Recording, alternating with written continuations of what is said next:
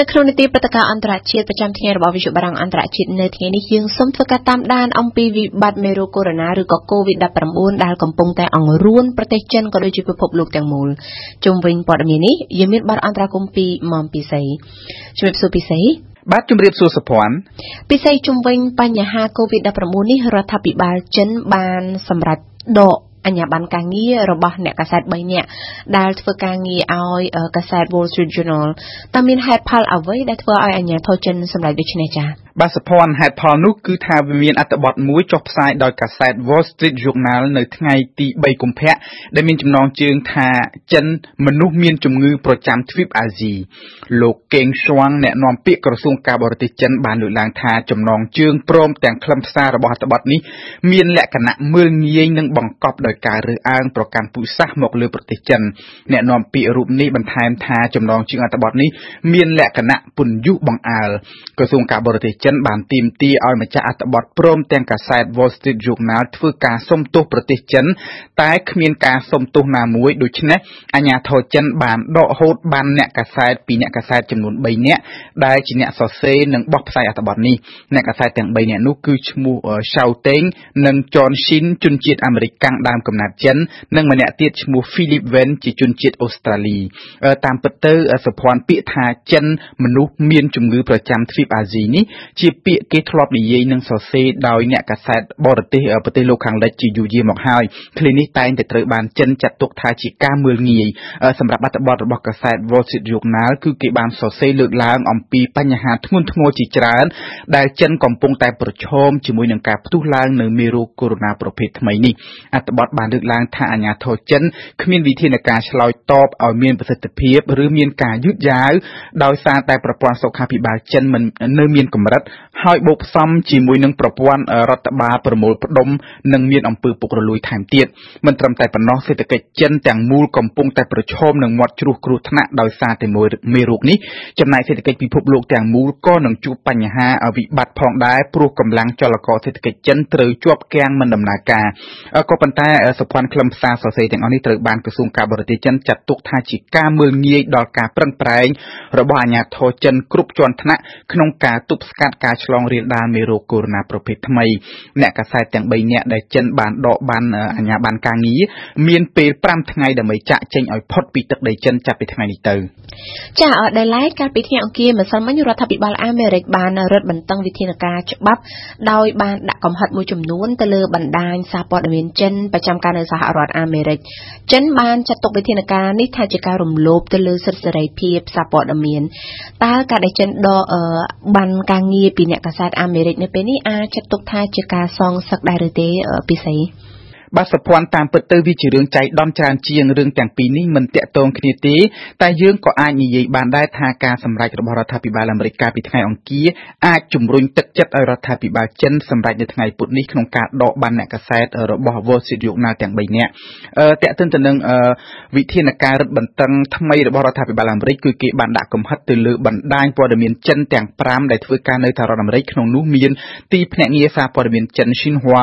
ស្ថានីយទូរទស្សន៍ចិនជាភាសាអង់គ្លេស CGTN ទូរទស្សន៍ចិនអន្តរជាតិកាសែត China Daily និងកាសែតដំណឹងប្រជាជនចិនរដ្ឋាភិបាលអាមេរិកបានដាក់កំហិតថាបណ្ដាញព័ត៌មានចិនទាំង5នេះត្រូវសុំការអនុញ្ញាតពីក្រសួងការបរទេសអាមេរិកមុននឹងអាចមានសិទ្ធិទិញកាន់កាប់អចលនទ្រព្យណាមួយនៅក្នុងទឹកដី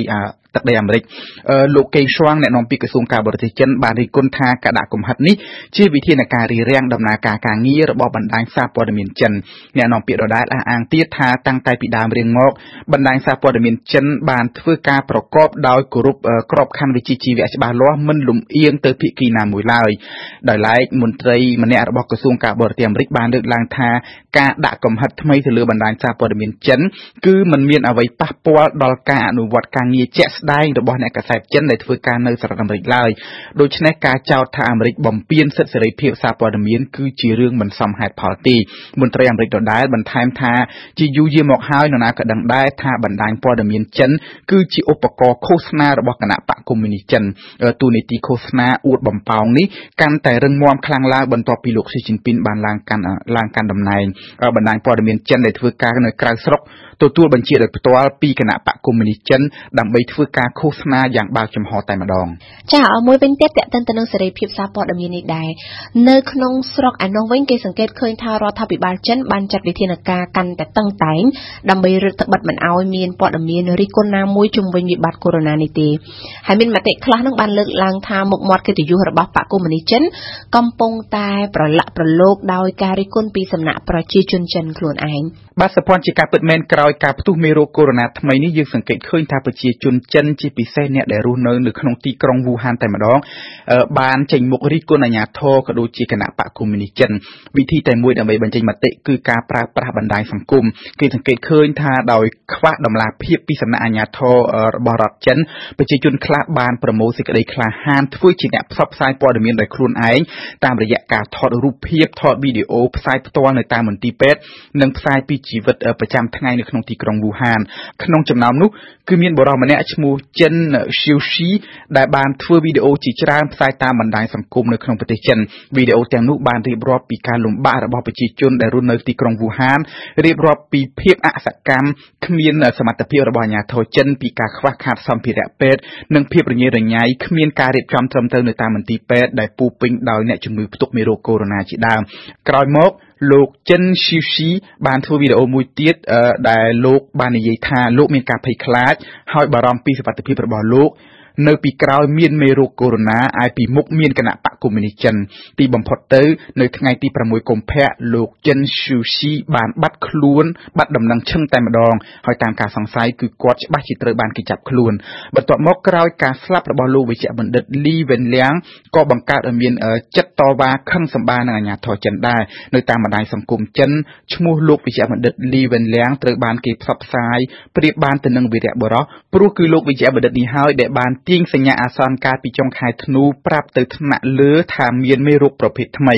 តែទីបំផុតអាជ្ញាធរចិនមិនត្រឹមតែមិនជឿលោកទេថែមទាំងបានបង្ខំលោកឲ្យផ្តិតមេដាយសុំទោសចំពោះការបំផុសព័ត៌មានបង្កអស្ថិរភាពសង្គមនេះទៀតផងបញ្ហាទាំងអស់នេះសភ័នវាបានធ្វើឲ្យប្រជាជនចិនមិនទុកចិត្តអាជ្ញាធររបស់រដ្ឋចិនទេក៏ប៉ុន្តែអ្វីដែលគេសង្កេតឃើញប្រហែលថ្ងៃចុងក្រោយនេះគឺអាជ្ញាធរចិនបានចាត់វិធានការយ៉ាងតឹងតែងបំផុតដោយបានលុបចោលសារទាំងអស់នៅលើបណ្ដាញសង្គមបណ្ដាញអ៊ីនធឺណិតដែលពាក់ព័ន្ធទៅនឹងលោកវិជ្ជបណ្ឌិតលីវៀនលៀងក៏ដូចជាលោកចិនស៊ូស៊ីព័ត៌មានរិះគន់ទាំងអស់គ្រប់ទម្រង់ត្រូវបានគេលុបចោលទាំងអស់តែម្ដងពីបណ្ដាញអ៊ីនធឺណិតអរគុណពិសេសចំពោះបទអន្តរាគមន៍នៅថ្ងៃនេះ